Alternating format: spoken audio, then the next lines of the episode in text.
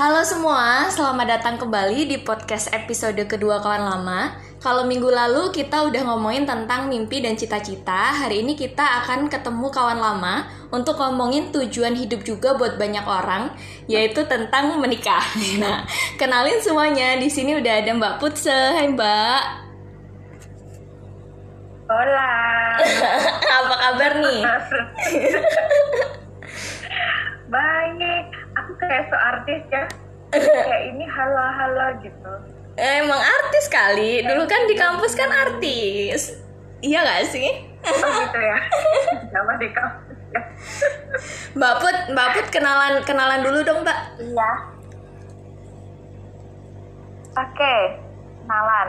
Nama saya. nama panjangnya, nama panjang, nama lengkapnya. Nih, ini bu soalnya eh, apa namanya? Eh pasti kalau kenalin gitu ya. Kalau yang udah kenal tuh biasanya jarang banget yang tahu nama panjangku kayak nama panggilan doang. Tapi kadang itu nama panggilan tuh ada beda-beda. Jadi kayak temen SMA beda, temen kerja juga beda, temen kampus itu juga beda. Ya apa aja sih sebenarnya ya. Nama kalau nama lengkapnya itu Prabawati Yunita Putri. Ini sering banget kalau lagi email-emailan terus sama-sama bule itu pasti dianggapnya adalah Hmm, yang pasti selalu dianggap orang India ya kalau dari namanya. Gitu jadi ada inilah emang namanya nama-nama agak-agak Sanskrit- Sanskerta katanya gitu. Gitu kalau di kampus sih sering eh, akrabnya sih dipanggil Putse gitu. Jangan ditanya dari mana asalnya Putse itu pokoknya teman-teman sini akhirnya manggil itu dan keterusan. BTW Mbak, gitu waktu aku nyari Ah. nyari kontak kontak Mbak Putse ya, kapan itu kayak aku mau kontak apa? gitu.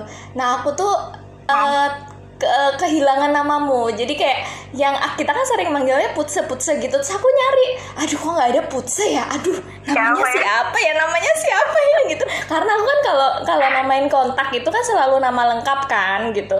Terus Iya, iya, aduh, iya. siapa ya gitu iya Prabawati Yunita aduh susah banget anyway mbak lagi sibuk apa sekarang jadi wanita karir sibuk kerja jadi wanita sibuk kerja jadi wanita karir. Sama alhamdulillah ya mengurus sis. suami tapi by online loh. Mengurus suami by online. Ya kan mengikuti ini mengikuti perkembangan ini kan. Perkembangan zaman kan. Urus suaminya online. Masih LDM berarti ya mbak? Ah, ah, ah, ah, bet- iya masih. Kita masih LDM jadi dengan adanya COVID ini sungguh sangat mendera sekali para pelaku-pelaku LDR maupun. Gitu, berarti jarang Bud. pulang dong mas ya Eh, kalau enggak ini kan dari emang dari COVID pandemi itu eh, aku aku habis dari ini habis dari apa habis dari Kalimantan. eh, tempat suamiku kerja Mm. Mm-mm, akhir tahun lalu sampai bulan Januari pertengahan itu aku ke sana ke tempat dia gitu. Tapi emang semenjak pandemi itu kita baru ketemu kemarin itu dan itu pun panjang banget karena kita berdua sama-sama orang yang apa ya namanya eh kayak orang tuh kan ada ya misalnya ya udah sih ketemu ketemu aja gitu Mm-mm, kan. mm. Cuman eh, kami kami itu benar-benar yang protokol kesehatan tuh bukan sekedar wacana gitu loh bun.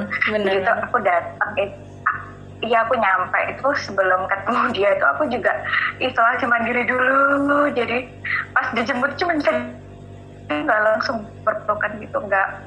Terus tes dulu habis tes eh, negatif baru deh bisa berpelukan. Begitulah. Terus suaminya juga tes Ya, juga? ya, ya. Emang, memang begitu kan. Iya, suamiku ini suamiku tes tes juga. Jadi ya udah sama-sama kita oh ya udah berarti kita sama-sama ini sama-sama eh, negatif gitu lah istilahnya kalau dari tes virusnya. Udah deh, kita berpelukan di klinik dokter. alhamdulillah ya Begitu. btw nih mbak eh, aku tuh inget banget nih ya, kan ada. tadi ngomongin tentang suaminya ya Hmm. Mm-mm.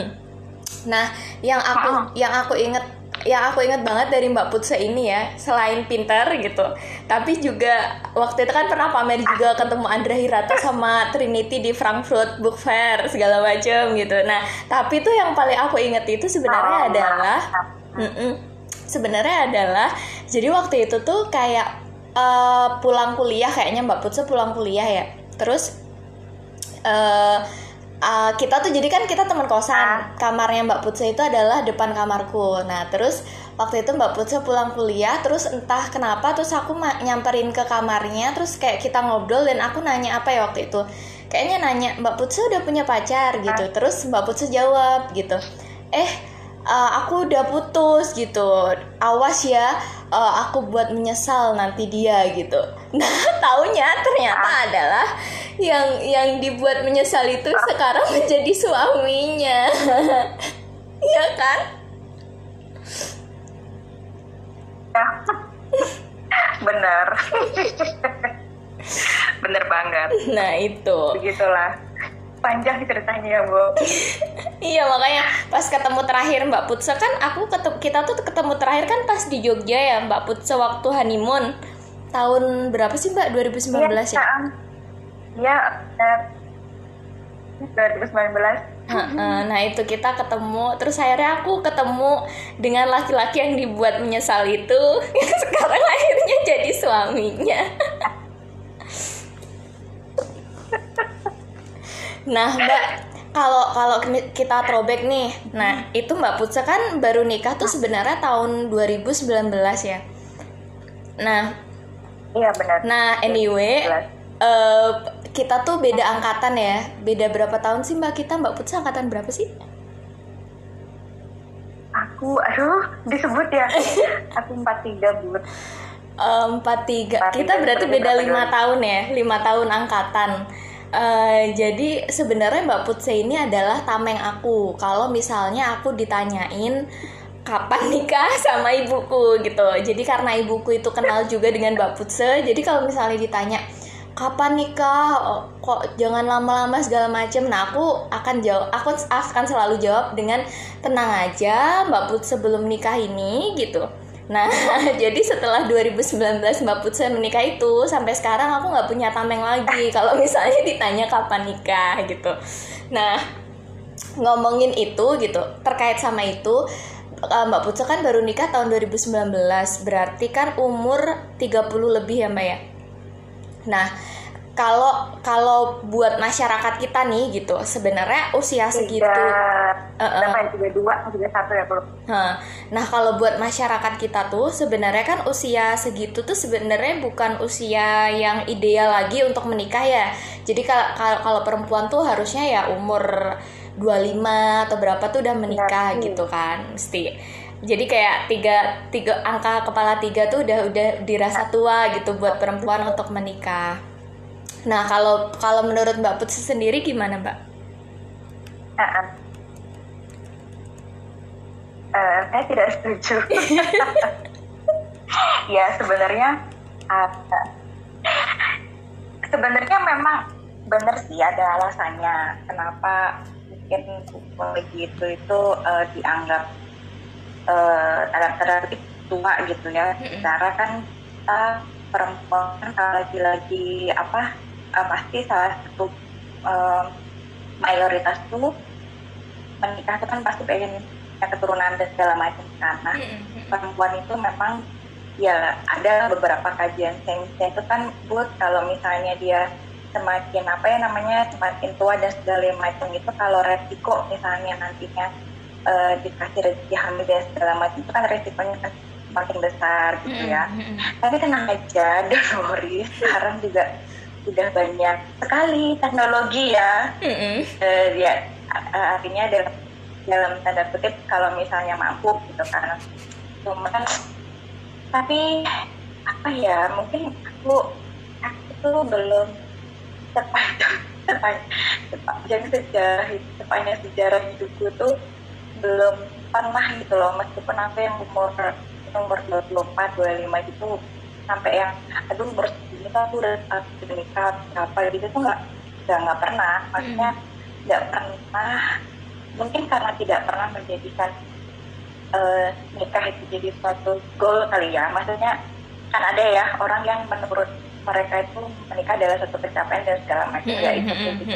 Nah, aku nggak aku nggak kita nggak pernah seperti itu gitu loh sepanjang sepanjang usia aku sampai dengan sekarang. Hmm. Walaupun dulu juga masih yang sama beliau belum putus pun kayak uh, banyak lah yang kayak bilang ayo dong kapan dilamar? Kamu ngomong dong ke dia atau segala macam kayak gitu. Aku sama sekali nggak pernah memaksa untuk ayo lamar aku nih aku hubungan kita gimana? Serius gimana? Gitu tuh asli aku belum pernah lo sekali gitu gitu tapi uh, I mean aku menjalani dengan serius gitu kan cuma mm-hmm. tidak pernah memaksakan uh, apa yang namanya kamu harus lamar aku kita harus nikah nih kapan kita nikah kayak gitu nggak pernah nggak mm-hmm. pernah ngomong gitu oh.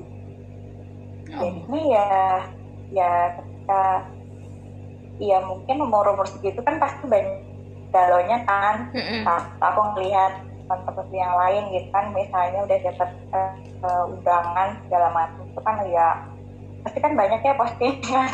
Di usia-usia segitu tuh uh, aduh kapan nih? Nikah kayak gitu-gitu sih. Aku sih aku ngerasa nggak pernah sih kayak gitu. Kayak ya udahlah setiap orang sih punya timeline gitu loh. Kalau hmm. emang um, di umur segitu yang biasanya orang-orang sudah menikah dan belum ya sudah berarti kan emang belum gitu loh. Jadi aku nggak mau nggak mau memusingkan hal-hal yang di luar kelas aku gitu loh bud. Oh iya paham paham paham. Nggak nggak maksudnya gini berarti kan mbak Putse menganggap kalau kalau pernikahan itu adalah sesuatu yang ya sebenarnya bisa diusahakan gitu di, bisa diperjuangkan tapi uh, gimana ya? Tetapi tidak bisa kita kendalikan gitu kan ya? Gimana iya, ya karena aku nggak gini.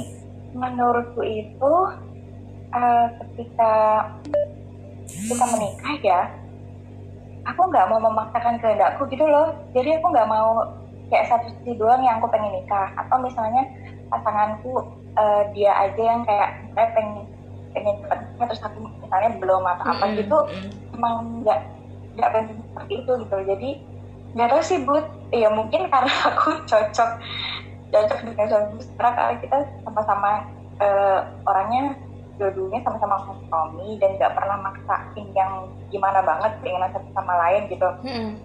gitu jadinya ya udah kalau misalnya agak dipaksa gitu tuh aku ngerasa kayak kayak gimana gitu ngejalaninnya hmm. ini mungkin ada histori ke belakang ya. Terus sebelum dia tuh ada ada juga lah yang dulu dulu gitu. Nah yang dulu itu kayak udah sempet oh kita misalnya dua tahun lagi lah main gitu gitu kan nah terus tuh aku asli ketakutan luar biasa karena covid satu di waktu sih? Kita tuh ngerasanya kayak dipaksa gitu loh. Padahal ini kan bukan sesuatu yang harusnya kita sama-sama maksa. Ada rempong ya gitulah bener-bener. Ya bener sih mbak. Karena menikah itu kan sebuah kompromi ya atas dua orang gitu. Ya nggak bisa ya, dong bener. dipaksakan satu orang doang mau tapi satu orangnya ternyata belum siap kan nggak bisa kan? Iya benar benar hmm. banget. Nah kompromi nah, uh, uh, nah kalau berarti ini kalau kalau Mbak Putsa berarti adalah tipikal yang uh, sebenarnya nggak mentargetkan ya kapan harus nikah berarti kan Yes, iya kan? Uh, nah, tadi kan Mbak Putri juga sempat mention nih, kebanyakan maksudnya kan ada orang yang menjadikan pernikahan itu sebagai goal ya, maksudnya ya, ya kayaknya ya bukan aku ngejat sih, tapi kayaknya emang kenyataannya seperti itu gitu. Maksudnya sebagian besar uh, orang kita itu menjadikan pernikahan itu sebagai sebu sesuatu yang goal tadi, uh, tujuan yang oh tadi jadi kayak kalau udah nikah tuh ya udah wah gitu. Wah aku udah laku segala macam segala macam nah akhirnya terus, kenapa? Ya terus habis itu kayak kayak suka nasehatin ayo buruan nikah mm -hmm. nikah enak gitu. Iya iya. nah makanya makanya sebenarnya ya mbak kalau aku lihat gitu justru karena itu gitu karena itu akhirnya sebenarnya banyak kejadian-kejadian pasca menikah yang nggak mengenakan gitu. Karena bisa jadi nih gitu orang yang menikah itu karena menjadikan itu sebagai sebuah goal gitu. Bisa jadi sebenarnya dia secara mental dan sebagainya belum siap gitu. Tapi karena itu adalah sebu dia dia menganggap itu adalah suatu pencapaian gitu ya akhirnya akhirnya ya ya udah gitu. Karena aku pengen mencapai itu dan aku pengen menunjukkan ke semua orang bahwa aku sudah mencapai itu gitu ya gak sih? Nah akhirnya banyak sesuatu di belakang yang yang yang nggak mengenakan gitu tentang pernikahan. Ya aku belum ngerasain sih. Cuman maksudnya kan aku juga punya keluarga aku juga punya orang-orang sekitar gitu ya. Jadi aku juga melihat bagaimana kehidupan pernikahan sebenarnya gitu. Nah aku kadang sempat merasa takut juga sih mbak uh, untuk menikah uh, gitu. uh, karena melihat melihat orang-orang di sekitarku kehidupan pernikahan orang-orang di sekitarku. Cuman kan maksudnya aku juga masih percaya bahwa pernikahan itu adalah bagian dari ibadah ya gitu ya. Aku muslim gitu. Aku masih percaya Tuhan dan aku percaya atas apa yang yang diperintahkan. Jadi ya ya aku harus menikah karena itu bagian dari ibadah gitu. Cuman maksudnya kalau aku pribadi aku juga nggak mau memaksakan karena aku belum siap untuk itu. Ya sekarang karena gak ada yang ngajakin sih. Ya cuman kalaupun ada yang ngajakin sekarang pun aku juga juga kalau belum siap sih nggak tahu kalau tahun depan ya nah nah mbak uh, baca ini gak sih tweet yang yang yang mbak put sekomen itu loh di di WhatsApp story aku. Iya, aku baca. Nah, aku itu. Baca. Nah, pas aku baca itu tuh sebenarnya kayak aku uh -huh. me melihat sudut pandang baru sih tentang pernikahan gitu. Bahwa sebenarnya nih gitu. Ada ada beberapa hal yang aku ambil ya. Uh, yang pertama kan si orang itu gitu dia merasa bahwa setelah sebelum menikah dia nggak diakui gitu sama circle-nya circle pertemanannya gitu. Kayak yang teman-temannya udah nikah terus dia belum gitu.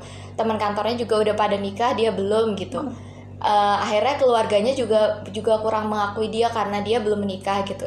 Nah itu aku rasain banget sih. Maksudnya kalau kalau kalau keluarga sih enggak ya. Cuman kayak circle pertemanan gitu. Aku kan juga ngerasain ya waduh ini teman-temanku udah pada nikah aku belum gitu. Nah terus terus akhirnya kan setelah menikah dia jadi diakui kan gitu uh, sama keluarganya sama teman-temannya gitu. Nah cuman uh, ternyata dia uh, ada hal yang membuat dia terbebani gitu. Karena uh, kehidupan pasca menikah gitu itu ternyata buat dia tuh nggak enak. Karena dia nggak bisa berbagi cerita ke teman-teman sekitarnya yang sudah menikah itu. Karena teman-temannya itu sering sharingnya adalah hal-hal yang manis-manis doang gitu. Nah yang ide-ide uh, uh, nah kalau kalau menurut Mbak Putsa tentang tentang tweet itu gitu itu gimana Mbak? Sudut pandang Mbak Putsa tentang tweet itu benar nggak sih sebenarnya kayak gitu gitu? Kan Mbak Putsa sekarang udah nikah nih gitu. Iya. Ya yang pasti itu setiap apa ya setiap pernikahan setiap rumah tangga setiap hubungan itu pasti ada dapurnya masing-masing sih buat maksudnya kayak apa ya?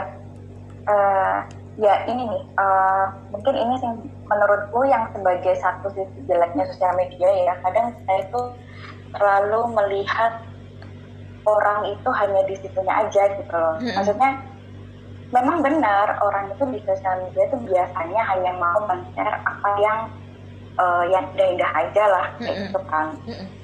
Nah tapi lagi-lagi uh, setiap uh, setiap hubungan tuh pasti punya dapurnya masing-masing gitu loh Bud. Mm-hmm. Maksudnya gini, aku ini sebenarnya aku gak pantas juga sih ngomong gini. Karena menurutku aku merasa aku yang orang yang punya privilege ya, privilege dalam artian uh, teman-temanku nggak ada yang memandang gitu. Mm-hmm. Kayaknya kalau misal pun ada, akhirnya aku juga nggak deket sama dia. Jadi dengan otomatis langsung dikat dari pertemanan ya, Mbak ya. Uh, benar, otomatis aku akan sortir bentuk temanku lah ada yang seperti itu. Jadi alhamdulillah itu benar-benar teman-teman yang dekat sama aku tuh nggak ada yang kayak gitu meskipun mereka udah punya anak lebih dan segala macam terus totally fine gitu bahkan mereka suka ngasih insight juga gitu loh kalau nggak hanya tentang uh, yang indah-indah aja atau apa gitu nanti mm -hmm. itu akan gini gitu buat terus ya ya itu tadi sih. Memang uh, gimana ya? Kayak gitu kan emang emang susah karena udah udah terbentuk gitu loh. Kadang ada orang yang kayak emang belum diakuin kalau belum nikah jadi kayak mau kamu karir kamu itu setinggi apa pun terus kalau belum nikah itu kayak nggak ada harganya aja gitu loh perempuan itu. Iya yeah. itu ada salah satu temanku tuh yang ngalami yang mengalami seperti itu ada. Mm bahkan di keluarganya pun dia nggak seperti itu. Ya ya aku sebagai teman aku cuma bisa kayak ngasih support. Ya lu nggak harus yang ini kok. Maksudnya aku nggak mau dia buru-buru juga uh, yang kayak merasa terbebani karena dianggap uh, gitu. Atau enggak padahal itu karir dia di di kantor tuh bagus banget gitu mm-hmm. terus dia tuh juga kayak yang bantu perekonomian keluarga dan segala macam loh. Tapi gara-garanya dia belum belum nikah itu tuh kayak nggak dianggap. Mm-hmm. jadi kayak apa ya? Kamu bayangin aja tuh kayak padahal dia itu tulang punggung gitu loh mm. keluarga. Cewek apa cowok? itu tuh kayak cewek. Cewek. Cewek uh -uh, tapi gara-gara itu tuh kayak jadi nggak dianggap gitu. Terus uh, ya mungkin ada beberapa bukan teman dekat sih kayak kami ada di satu grup besar gitu yang ya adalah beberapa uh, uh, oknum gitu yang suka melok-melok gitu ya lu ketinggian gitu gini mungkin nggak ada yang mau. oh bisa ya orang sejahat itu ya enggak maksudku meskipun dalam adanya bercanda ya hmm. aku nggak akan pernah kayak gitu aku ya cuma nasehatin um, apa yang ngasih supportnya tuh gitu. jangan jangan ini deh maksudnya jangan gara-gara gara-gara dalam tanda kutip terpaksa ya hmm. aku pikir kalau seperti itu nanti jadinya nggak ini juga gitu nggak nggak worth it aja apa yang kamu jalanin instead of kita dapat uh, kebahagiaan lebih di kehidupan yang baru kita, hmm. kita malah jadinya akan terbebani, terbebani untuk selalu kelihatan bahagia, nah, itu. terbebani untuk ekspektasi ngerang aja dan itu jangan jangan banget hmm. itu jadinya nggak sehat nanti karena kami punya prospek terus gitu loh padahal kan namanya dua orang beda otak beda kepribadian ya meskipun udah saling cinta segala macam tuh pasti ada aja gitu loh ganjelannya mm-hmm. gitu. Loh mm-hmm. that's why buat that's why aku sama suami itu tuh udah jalan. Kita dari berapa 2010 kayaknya. Kita menjarang banget sih untuk di sosial media gitu. Uh, emang apa ya aku sendiri keep uh, keep my relationship privately gitu ya. Aku keluarga sama teman-teman aja lah yang tahu gitu yang hmm. yang bingung gitu gitu yang orang ini itu nggak usah lah ya sekedarnya aja lah nggak nggak harus yang setiap style uh, yang bahagia apalagi yang bahagia ya yang pedih-pedihnya ya nggak usah apalagi yang bahagia bahagia itu kayak yang ya udahlah gitu. Mm-hmm. kami dari kondisi kami dan teman-teman kami gitu. karena bisa jadi kayak gitu uh, ya itu tadi kelihatannya mungkin untuk hal yang belum gitu kayak aduh perfect banget nih relasi lo lah apa gitu hmm. padahal terus mau hubungan ada ada ada dapetnya masing-masing hmm. hmm. bener sih mbak anyway ya aku tapi pernah loh digituin maksudnya kayak ya oh, aku iya? aku aku punya temen gitu punya beberapa temen terus kayak kita oh. mau mau ketemu dan mereka udah nikah semua kan nah terus terus aku tuh diginiin mbak pas mau ketemu. Eh tapi aku ngajakin ini aku sama suamiku dia sama suaminya sama keluarganya gitu. Kamu nggak apa-apa gitu. Uh. aku digituin mbak. Sedih banget gak sih? Astaga aku aku aku sadar sih pada mungkin dia ber, bertanya seperti itu adalah karena karena dia merasa takut aku nggak nyaman gitu. Karena yang lainnya sudah sudah bawa pasangannya masing-masing sudah bawa suaminya bawa anaknya gitu. Tapi ya ya bertanya seperti itu tuh sebenarnya kan menyakitkan juga ya kadang ya. Iya gak sih? Aku ditanyain kayak gitu. Aku ya, aku dulu juga dulu juga sering sih kayak gitu. Soalnya kan ya teman-teman sudah deket yang lain kan udah banyak ini. Cuman gini sih buat aku konteksnya kalau hmm, ternyata pas ketemu itu nggak ada obrolan yang menurutku terlalu yang aja banget ke aku. Kayak yang iya iya dong coba ini ini ini segala macam. Kayak gitu aku juga males. Kayaknya ya udahlah cukup ini aja. Nanti lain kali aku nggak mau lagi ketemu sama dia. Kayaknya aku begitu uh, berhubung nggak ada yang seperti itu maksudnya uh, karena uh, karena pasangan-pasangannya teman-teman semuanya kami satu sama lain saling kenal. Mm-hmm. jadi kalau ketemu tuh ya jadi kayak teman gitu. Mm-hmm. mungkin gitu oh ya mungkin gitu. Kalau aku sama teman-teman dekatku tapi kalau ada yang uh, teman entah lain yang kayak gitu terus pas datang kayak yang ah, ayo nih kapan nih menikah? Lalala segala macam aku kayaknya sampai di situ aja. Ntar ntar aja aku nggak tapi tapi aku aku tiap ketemu teman lama ya kadang gitu. Tiap ketemu teman lama yang yang ya pokoknya teman lama gitu kadang aku akan mempersiapkan itu sih. Karena pasti mereka akan nanya kapan menikah? Kamu kapan? gitu. Nah tapi mbak anyway ya mbak Putsa kan berarti kan cukup bertahan lama dengan dengan dengan pertanyaan-pertanyaan seperti itu tuh gitu. Kayak misalnya yang apa namanya kapan nikah? Terus uh, ap apa?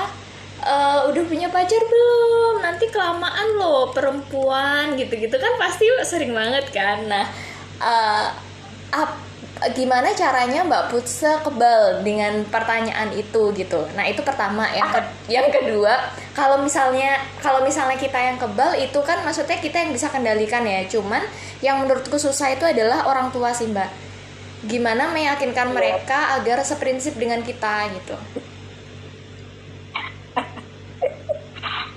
Wow baiklah. Ya kebal banget. Um, berapa tahun ya ditanya gitu tapi ya kayaknya lama-lama orang-orang juga udah bisa gitu ya. Soalnya aku juga mainnya pengen satu gitu. Itu kayak aduh lah dia baca ini belum belum aku nggak nggak tahu ya mungkin lagi-lagi mungkin ini um, ini kalau aku sendiri ya biasanya tuh menjawabnya dengan pengayasan aja. Ini kan kalau yang ditanya adalah aku gitu kan. Karena ya dalam hati mau mau ngambek kayaknya percuma ya kayak ya udah nanti mereka malah senang gitu nggak sih? Kayak aku ya ya udah. Aduh kapan ya? Gitu gitu pengayasan aku.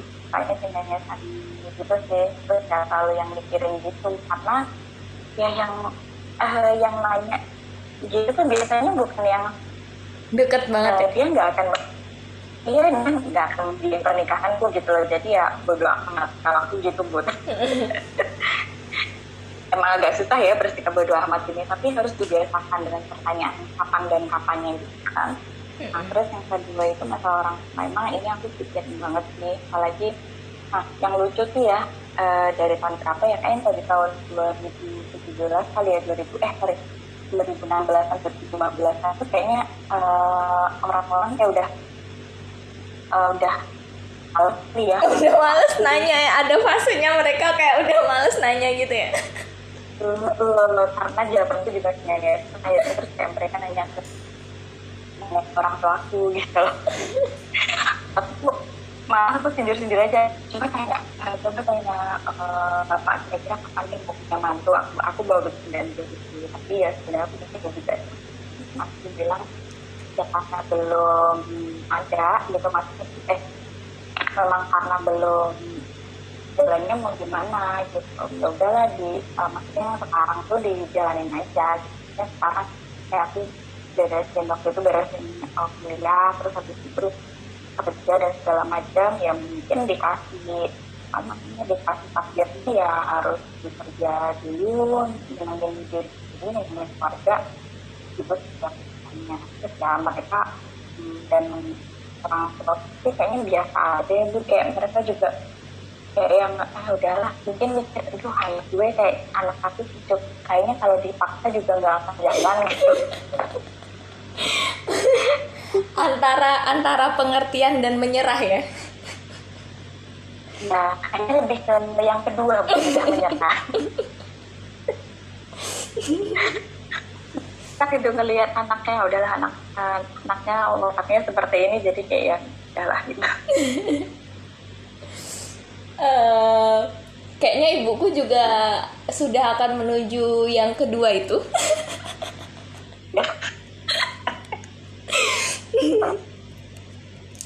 uh, gitu lah jadi ya ya apa namanya ya udah gimana ya kan ya mm, bener Gitu. sih mbak bener sih oh, gitu. Aku juga juga se seprinsip sih sama Mbak Putsa yang masalah tadi eh, nikah adalah sesuatu yang karena menikah itu adalah adalah kompromi atas dua orang gitu. Jadi kan sebenarnya eh, kendalinya kan nggak cuman di kita aja gitu, cuman ada di orang lain juga gitu. Nah, kalau makanya kayak sekarang juga aku memfokuskan pada hal-hal yang aku bisa kendalikan secara, secara mandiri gitu. Jadi nggak nggak ada gantungan sama orang lain ya kayak yang Mbak Putsa lakukan juga kayak kuliah dulu terus berkarir dan sebagainya gitu.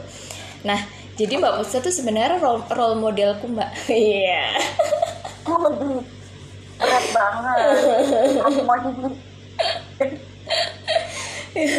itu sih karena malah kadang tuh ya mbak eh, ini sek- sekalian curhat ya kadang tuh ada loh yang nge-whatsapp aku juga kayak cuman buat bilang bahwa udah but standarnya jangan ketinggian makanya gitu. Cepetan nikah gitu. Ya Allah gitu. Standar ketinggian tuh maksudnya yang harus dapat kerajaan Inggris gitu atau gimana? Nah itu. Makanya makanya aku juga balesnya ke dia tuh maksudnya standar ketinggian tuh gimana ya gitu. Kan maksudnya kian standar itu kan sesuatu yang relatif ya sebenarnya ya mbak ya. Maksudnya dari sudut pandang kita dari sudut pandang dia itu kan relatif gitu. Nggak nggak nggak bisa di, disamakan kan standar untuk mencari suami itu seperti apa gitu. Nah Ya, itu makanya. Dan kita dan kita yang menjalani, Nah, nggak ada di itu. textbook. Nah itu dan dan kita kan pengennya kalau menikah itu adalah satu kali kan, maksudnya ya ya udah satu kali seumur hidup untuk orang itu. Jadinya makanya kalau kalau dibilang nggak mencari yang terbaik ya bohong juga ya nggak sih? Kalau misalnya kita dibilang nggak menstandarkan yang terbaik ya bohong juga. Pasti kita akan menstandarkan yang terbaik siapa pun itu ya nggak sih? Iya benar. Mm-mm. Ya orang kita apa sih namanya? Kayak misalnya nih kosan bareng gitu ya sekamar berdua gitu kita aja milih kan tempat eh, temen temen kosan ya kalau kita Mm-mm. ya kan Mm-mm. ini buat umur hidup loh gitu masa kayak yang yalah yang penting ada aja yang datang gitu dari kita ya itu emang harus kalau harus memilih Mm-mm. Benar. aku benar. juga nggak paham aku juga aku tuh juga buat dari dulu tuh nggak pernah nggak pernah memikir kalau ada yang bilang ya misalnya "Aduh, kamu kayaknya kriterianya terlalu tinggi gimana gitu. Padahal eh, maksudnya kriteria tinggi itu gimana sih gitu? Aku nggak mensyarat ini siapa ya? Mungkin karena aku udah ngambil master gitu kan terus kayak mungkin ada aja gitu yang berpikir eh, harus setara gitu minimal S2 atau Mm-mm. kalau dia not even a month aku berpikiran bahwa eh, calon suamiku itu dulunya akan seperti itu gitu misalnya kayak harus minimal dia harus master minimal dia harus gini gini tuh nggak pernah nggak pernah gitu kayak yang nggak pernah kayak apa ya namanya nggak kayak gitu atau kerjaannya begini atau atau Mm-mm. sekarang kan rame gaji sekian Mm-mm. dalam macam itu Tapi tapi lebih kayak ke arah nyaman kan Mbak? Pasti arahnya kan? Tuh emang eh dia itu tadi maksudnya karena pikiran aku adalah eh, itu adalah proses kompromi seumur hidup Mm-mm. jadi benar-benar eh klik atau ya kalau bahasa gampangnya enak ya Mm-mm. mungkin kalau yang itu yang aku benar-benar bisa diskusi dan komunikasi dan kompromi itu nah yang nyari itu tuh emang emang gua emang ini ini banget kecil banget gitu terus gitu ya bagaimana nah kalau nggak bisa kalau nggak bisa diajak komunikasi nggak bisa diajak kompromi dan segala macam atau paling paling nggak bisa sih Mm-mm. gitu. Jadi ya menurutku strata pendidikan eh misalnya aku misalnya aku sekarang lebih tinggi gitu ya dari dia tapi dari segi kami sehari-hari tuh obrolan kali tuh nyambung banget. Mm-mm. jadi ya itu nggak bisa jurusan itu. Yang kayak itu kan bisa di bisa dinegosiasikan yang penting kan gimana pasangan kita bisa diajak itu paling berubah bener sih setuju. Karena maksudnya ketika kita nyari yang kalau misalnya standarnya itu adalah eh, ya kita nyari yang misalnya selevel secara pendidikan atau misalnya selevel secara secara karir misalnya gitu. Nah atau lebih tinggi secara karir gitu kan tapi belum tentu kan nyaman gitu ketika diajak ngobrol dan sebagainya gitu. Nah itu yang yang bener sih mbak. Ya pendidikan karir sebagainya itu kan tidak tidak menjamin bahwa kita bisa nyaman sama orang itu. Makanya aku juga bingung ketika ditanya kamu standarnya jangan ketinggian standar yang mana? Gitu. Gitu. Iya. gitu sih mbak Putsa hmm. benar sebenarnya kata-kata nyaman tuh juga yang gimana ya ya agak sedikit overrated gini hmm. maksudnya namanya dua orang itu paling sama saya itu pasti penyesuaian terus gitu hmm. jadi uh, apa ya gitulah dalam dalam proses tuh banget gitu loh maksudnya ada ada aja gitu loh tapi yang yang satu yang pasti ini yang harus dipegang ya yang benar-benar bisa diajak komunikasi dan berkomunikasi. Mm-hmm. Oh, apalagi kita bu sebagai perempuan ya. Kenapa tuh? itu ini banget loh. Ya kan eh, apa ya namanya? Ya ini lagi-lagi kembali lagi ke dapur masing-masing orang ya, but ya mungkin kan ada, ada uh, wanita ketika sudah menikah dia kayak ya sudah memang dia kan mengabdikan ke keluarga gitu ya mm-hmm. mungkin ada, ada memilih ya, keluarga dan karir atau sebagainya nah, itu kan mm. yang harus benar-benar di apa dikomunikasikan mm, komunikasikan di awal ya kan mm-hmm. sebelum nikah iya mm, iya sebelum dan sudah menikah tuh maksudnya sebelum menikah kan kita nggak tahu nih kondisinya seperti apa kan hmm. misalnya kita udah oke okay, tapi begitu menikah kan kita nggak tahu nanti ada uh, kondisi yang seperti apa hmm. yang seperti apa nah itu kan harus di harus diskusikan lagi diskusikan lagi kayak gitu sih menurutku ya. Hmm. Tapi Mbak uh, kan Mbak Putsa tuh sebenarnya kalau aku lihat kan Mbak Putsa kan sebenarnya tipikal orang yang mencintai kebebasan ya gitu.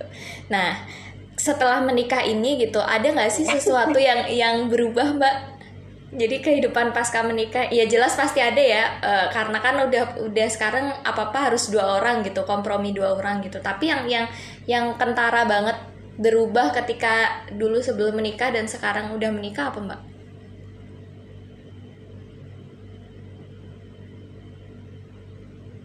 Uh, apa ya mungkin keputusan-keputusan penting ya maksudnya kayak yang di kayak yang di berkaitan dengan karir masa depan keuangan dan segala macam sih emang emang uh, ngobrol berdua gitu mm-hmm. yang kayak yang uh, contoh misalnya aku kan punya keinginan misalnya mau S3 lagi buat kan. Nah ini kan mau apa? Uh, S3 itu kan nggak oh. yang kayak kemarin mau S3 mm-hmm ya kan misalnya kayak gitu kan itu bukan yang kayak yang kemarin misalnya aku S2 ya udahlah aku S2 gitu. Mm-hmm. yang udah itu all by myself gitu kan. Mm-hmm. jadi kayak kalau pas ngomongin ini kan itu berkaitan dengan uh, masa depan kami juga gitu mm-hmm. itu aku obrolin mm-hmm. atau yang berkaitan dengan finansial kayak gitu gitu sih tapi so far alhamdulillah um, maksudnya kehidupan sebelum dan uh, itu sebenarnya yang alami sekarang itu nggak terlalu jauh beda sih. Mm-hmm. Maksudnya gini, kayak aku uh, berizin ya uh, dengan misalnya masih bisa bermain gitu loh sama temanku kayak kita pergi ke mana pergi ke mana gitu. Mm-hmm. kayak kayak kapan hari itu yang sebelum covid aku sempat ke Malaysia sama teman-teman dekatku. Terus ya udah aku bilang aja sama itu. Ya oke oke aja sama itu. Sama itu sama itu. Ini oke oke aja jadi nggak merasa. Aku aku sendiri nggak merasa. Kayak tiba-tiba dikekang terus kebebasannya berkurang sama sekali. Nggak sendiri jadi ya boleh dibilang tidak ada bedanya. Tetap alhamdulillah ya gitu. Iya alhamdulillah. Mm -mm. Uh, tapi ya, itu kali ya. Bukan memilih pasangan kita memilih pasangan yang sesuai dengan kita. Iya. Tapi mbak itu akhirnya tuh kalau misalnya memang apa ya maksudnya kadang tuh ya akhirnya kita akan menemukan yang memang paling sesuai gitu gak sih? Akan ada saatnya kita menemukan yang paling sesuai gitu. Wow pertanyaan susah ya. Uh, sesuai nah aku juga nggak tahu. Ini sepupu ini teman-teman sepupu dan segala macam suka nanya kamu gimana sih mbak sebelum kayak memutuskan dia the one gitu mm -hmm. segala macamnya kalau jujur ya aku nggak pernah yang kayak misalnya orang ada aduh maaf ya Allah misalnya orang ada salat istikharah atau apa aku nggak. Jangan ditiru. Lagi-lagi jangan jangan ditiru gitu ya. Uh, gimana ya kalau aku tuh uh, mendengar kata hubungan itu sebenarnya uh, agak overrated gitu loh. Maksudnya gini karena waktu aku nggak ngerti kayak kayak mengalir aja gitu ketika ya oke okay, gitu kan um, belum memutuskan menikah terus semuanya dilancarkan gitu. Terus terang aku nggak kepikiran yang apakah dia akan satu-satunya atau apa kayak gitu tuh asli nggak pernah kepikiran. Jadi kayak oke okay, ya ini aku cocok banget ngobrolnya sama dia. Terus ada komunikasi terus keluarga kami uh, dua-duanya mendukung. Kayak ya udah gitu loh. Ya udah terus oke okay, nikah setelah nikah. Banyak lagi penyesuaian kita kompromi lagi kita ngobrolin lagi yang lainnya gitu. Jadi ya gitu. Kayak uh, apa ya mungkin nggak nggak ya semacam kalau bilang mungkin menentukan apakah dia yang cocok atau apa gitu gitu sih karena hidup kita berdua itu terus menyesuaikan sih menurutku ya. Mm -hmm. Lagi-lagi orang kan bisa beda-beda. Mm -hmm. Nah itu aku seperti itu. Jadi kalau ditanya kak, kamu salat apa mbak? Kamu doa? Jujur ya aku salat masih salat biasa aja. Kayak yang doa juga masih biasa aja gitu. Gak pernah gimana. Oh, cuma um, sekali sih buat uh, doa yang waktu kita salam kita nyanyi lagi aku cuma bilang gini. Aku cuma doa aja waktu itu. Ahli lah kayaknya. Gue atau apa sih lupa. Ya apa namanya kalau memang uh, Allah oke okay, Allah ridho ya udah minta tolong dilancarin. Udah gitu aja. Dan akhirnya lancar dan berlanjut ya Iya, akhirnya udah ujung aja menikah. Padahal nggak ada ini, nggak ada tujuan kita, maksudnya nggak ada tahun ini kan menikah juga. Alhamdulillah.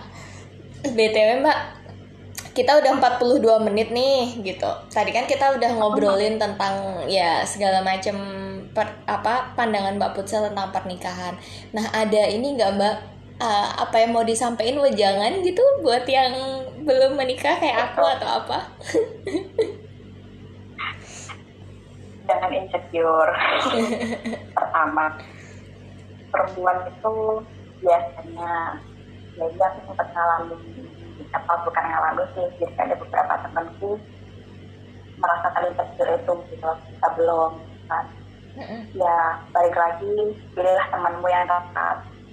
Pertama maksudnya jangan insecure kamu oke okay kok gitu jadi bukan karena kenapa ya kok nggak dapet dapet santai aja setiap orang punya lainnya masing-masing gitu ya. Mm-hmm. lah gitu mm-hmm. jangan selalu khawatir gimana. Terus uh, yang kedua ya. Yang kedua syarat orang yang bisa diajak kompromi itu harus banget. Jangan sampai dihilangkan itu gak boleh dinego mm-hmm. karena proses uh, sampai dengan menikah pun ya isinya kamu akan kompromi-kompromi aja gitu mm-hmm. nah yang ya pasangan tuh kalau misalnya kita saling enak sampai kita ngomong uh, kompromi dua belah pihak jangan satu arah ngobrolnya satu mm -hmm. dua arah namanya juga ya untuk berhidup gitu akan terus uh, oh iya ini benar banget nih harus ini deh mengkomunikasikan semua hal belum itu kalian juga harus ini sih yang belum ya nggak mm -hmm. ngobrolin mulai dari finansial atau segala macam itu banget mm -hmm. jadi kayak misalnya uh, apalagi kan uh, apa jadi punggung keluarga dan segala macam itu harus diobrolin benar jadi kayak kita tanggungannya berapa nih kita uh, kita ada yang punya tangga berapa berapa gitu jadi itu banget karena uh, lagi-lagi tuh ngelihat dari pengalaman yang lain masalah uang itu juga bisa jadi satu mm -mm. apa apa ya jadi satu masalah yang mm -mm. benar inilah jadi satu masalah yang besar gitu mm -mm. jangan diobrolin mm -mm. yang pertama jangan insecure kedua uh, cari yang bisa berkompromi mm -mm. karena itu sepanjang hidup intinya mm -mm. terus yang ketiga masalah finansial itu harus benar-benar dikompromi mm -mm. mungkin yang tiga ini lepas dari yang cari yang agamanya baik dan segala macam kayaknya udah syarat syarat mutlak ya iya benar Oke, makasih Mbak. Oh. Apa? Ada lagi yang ketinggalan? Iya, terus yang keempat, kalau bisa apa namanya sayang sama keluarga itu belum banget. Oh, jadi ini ya, uh, family man ya, cari yang family man. Iya, enggak, misalnya kayak yang uh, sayang sama keluarga kita, oh. sama keluarga itu uh, jauh lebih, jauh lebih insya Allah jauh lebih gampang nanti ke depannya perjalanan itu. Benar-benar. Berarti tadi ada empat ya. Yang pertama jangan pernah insecure karena misalnya umur sekian gitu belum menikah. Terus yang kedua cari pasangan yang bisa diajak kompromi gitu. Karena pernikahan itu adalah tentang kompromi dua orang ya gitu, dua kepala. Terus yang ketiga mengkomunikasikan semua hal sebelum menikah termasuk masalah finansial, terus masalah segala macem lah terutama terkait finansial kan. Terus yang keempat cari yang dia bisa sayang sama keluarga kita. Berarti tentunya kan harus kenal dulu ya ngenalin dia sama keluarga kita dulu terus gimana responnya dia sama keluarga kita gitu kan ya, ya. oke. Okay. aku mungkin agak agak kuno ya bu. Soalnya uh, aku tuh percaya banget dari orang tua udah. Jadi kalau orang tua bisa yes tapi ya oh iya benar iya sih mbak Iya kan emang restu orang tua itu kan ya restunya Tuhan, restunya Allah. Gitu. Oke, makasih Mbak Putsa. Aku akan inget-inget sih empat hal itu gitu. Uh, ya, uh, makasih Mbak udah nyempetin waktunya hari ini kita ngobrol-ngobrol kayak gini.